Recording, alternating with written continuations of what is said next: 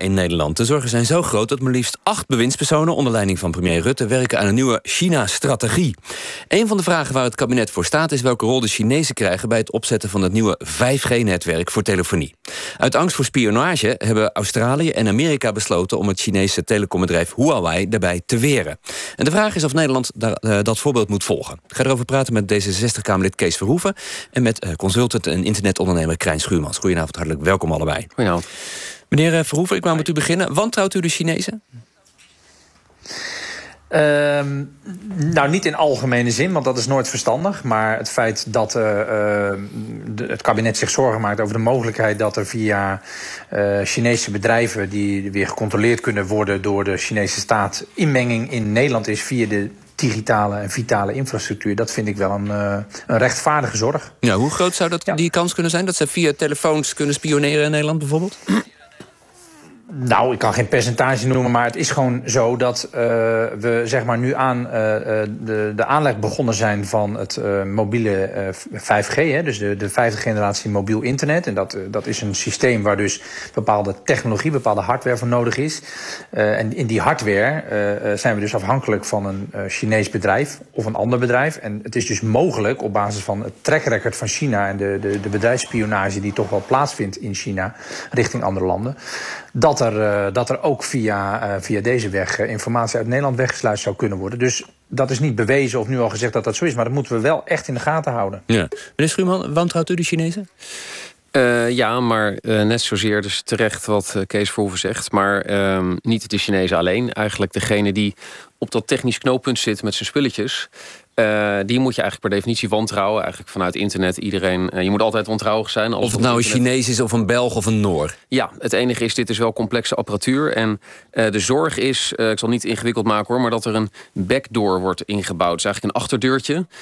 en dan zou de Chinese overheid, die inderdaad wel degelijk een belangrijk belang heeft in Huawei, zou kunnen meekijken op die knooppunten van ons netwerk. Ons en een heleboel andere netwerken ook. Niet zozeer in de individuele telefoon van mensen thuis, maar nee, op de knooppunten van de netwerken, precies. zegt u. Maar ja, ja, goed, daar gaat, daar gaat al dat verkeer overheen. Hè? En met 5G wordt dat nog veel meer. Want 5G, misschien heel even duiden, het is inderdaad voor het Internet of Things. Al die apparaten die met elkaar gaan praten. Maar ook smart cities, verkeer, stoplichten. Nou ja, alles wat je maar kan bedenken. Ja, precies, het is niet alleen je telefoon. Nee, het gaat veel verder. Daar hebben we juist die bandbreedte voor nodig. En als die Chinezen hun spulletjes in die knooppunten zetten... en ze zouden zo'n backdoor hebben, dan zouden ze inderdaad alles kunnen mee luisteren. Maar de nuancering is wel, er is angst dat die backdoor bestaat. Maar dat is niet bewezen, wat overigens net ook wel gezegd werd. Waar het wel bewezen is dat de Amerikanen dat een keer gedaan hebben. Dat heeft namelijk Edward Snowden destijds, de klokkenleider, aangetoond. Die ja. met Cisco, een Amerikaanse fabrikant van ook dat soort netwerkspulletjes. Die hadden wel degelijk een backdoor okay. en konden dus zo heel ja. veel data binnenslurpen. Dus die angst is terecht, maar niet specifiek alleen voor de Chinezen. Nee, die Chinezen zijn goed in 5G? Ja, die hebben, de Chinezen zijn zo, sowieso heel goed in heel veel dit soort dingen. Laten we dat voorop stellen. Maar welke landen nog meer? Tussen China en wie gaat het? Nou, in, in Scandinavië je hebt ook Ericsson bijvoorbeeld. Uh, die, die zijn ook, ook van oudsher heel goed in, uh, in uh, technologie. En zijn die te, meer te vertrouwen? Uh, nee, kijk, die, die kunnen dat ook doen. En ik snap wel dat uh, er wordt sowieso gespioneerd over en weer. Dat is ook bekend van elkaar. Ja. Zeker als het gaat om uh, politiek, militaire spionage. maar de Chinezen doen het wel wat meer op economische grond. Dus echt om, om geheimen te stelen. En als de Amerikanen bij ons luisteren, dat weten we een beetje van elkaar. Maar denken we, nou, dat is een bondgenoot. Ja. We snuffelen een beetje over en weer. En bij een, een land als China vind je dat wel wat spannender. En dat, zegt, dat begrijp ik wel. Okay, dat, maar vindt u dat ook terecht? Of zegt u, je zou ze eigenlijk allemaal gelijk... Je zou ook een stuurgroep Noord Noorwegen nu moeten maken... of Scandinavië en een stuurgroep Amerika? Ik snap dat we wat banger zijn voor de Chinezen... maar ik, vind, ik wil toch ook benadrukken... we hebben die discussies ook gehad. Al onze spullen die we in de cloud zetten... die kunnen in Amerika bekeken worden... hebben we ons ook over opgewonden. Dus laten ja. we vooral uh, naar alle kanten kijken. Ja, meneer Verhoeven? Eens? Ja, ik vind dat heel terecht. Kijk, de, de, een paar weken geleden, of nou ja, een paar weken geleden, ik denk een maand geleden, voor het, voor het reces hadden we de begroting uh, economische zaken. En toen. Uh, toen vroeg de Kamer hierna aan Wiebes en toen kwam hij ineens met een heel erg statig antwoord van nou, we gaan, we gaan met een China-strategie aan de slag. En uh, nou, inderdaad, zoals net al gezegd werd, hè, met allerlei verschillende uh, kabinetsleden uh, kijken wat we moeten doen om ervoor te zorgen dat Nederland ten opzichte van China een goede positie houdt, ook in die technologische wedloop waar, het, waar het nu dan over gaat. Ja. Maar ik heb altijd gezegd dat het niet alleen om China moet gaan. een paar maanden geleden hebben we ook het Russische bedrijf Kaspersky antivirus software hebben we ook gewoon geweigerd. Ja, waarom trouwens? Wat was, wat was de reden daarvoor? Nou, dat A, Rusland agressief is naar Nederland. B, ze diep in onze systemen zitten met hun uh, hele goede antivirussoftware. Uh, en C, dat er, uh, dat er dus inderdaad de mogelijkheid is dat de Russische overheid toegang heeft tot de informatie die die bedrijven eventueel wegsluizen via hun aanwezigheid in onze infrastructuur. Ja, ook toen was er geen bewijs nou, of wel? Die optelsom kan je ook maken voor China. Ja, meneer Schuurmans, was er toen bewijs? Zegt u? Nee, er was, er was geen bewijs. maar het is nog wel een beetje een ander voorbeeld, vind ik. Ik vind het goed, want die virussoftware, die antivirussoftware, die graaft zich natuurlijk in je En je weet dat je snapt niet helemaal meer wat er gebeurt. Dus misschien zit er ook zo'n kijkgaatje in. Sommige mensen snappen dat heel snel niet meer, maar u nee, waarschijnlijk nou ja, iets later. Maar, ja. Precies. Uh, maar goed, de overheid kan natuurlijk zeggen, wij gebruiken het in ieder geval niet. Maar dat is nog iets anders dan dat je zegt, ik wil dat KPN bijvoorbeeld uh, die spullen niet. Dan, dan heb je echt een boycott of dan moet je een maatregel treffen. Ja. Ik snap niet goed hoe je dat zou doen. Dus dat de overheid dat voor zichzelf besluit, dat begrijp ik. Maar hoe je het voor bedrijven kan bepalen, lijkt me nog wel echt een stap uh, verder daar gaan. Gaat het, daar gaat het nu dus inderdaad om. Hè? Ja. De, de, vraag is nu inderdaad of de, of de hele Nederlandse markt wel of niet afgesloten moet worden. En KPN maakt zich natuurlijk grote zorgen. Die willen heel graag, dat wil overigens heel veel Nederlanders ook... want 5G is gewoon snel internet wat, wat iedereen nodig heeft voor al die toepassingen. We willen graag dat dat snelle uh, internet er komt. Uh, en als we nu zeggen, we, we, we weren uh, wij van, van de Nederlandse markt... dan moeten we wel een alternatief hebben. En ik vind dat we dan ook een grond moeten hebben. En beide ontbreken op dit moment in ieder geval voldoende. Dus ik vind dat de discussie nu eerst gevoerd moet worden door het Nederlands kabinet... en niet alleen gericht op China, maar meer in algemene zin... Wat zijn de eisen die wij stellen aan bedrijven die in onze infrastructuur bepaalde onderdelen komen aanleggen? Ja, en maar die eisen zijn nu niet opgesteld. Dus nee. dat moet het kabinet nu gaan doen. Maar er zijn dus nu bijeenkomsten van acht bewindspersonen onder leiding van meneer Rutte. Die allemaal zitten na te denken: wat doen we met China? U zegt stop daarmee en gaat het hebben over alle landen. Ja, ik zou zeggen, beperk je niet tot China. China is een prima aanleiding, ook een prima voorbeeld. Uh, uh, want inderdaad, China heeft dus toegang tot die bedrijven. China heeft een slecht, uh, slechte reputatie op het gebied van bedrijfsspionage.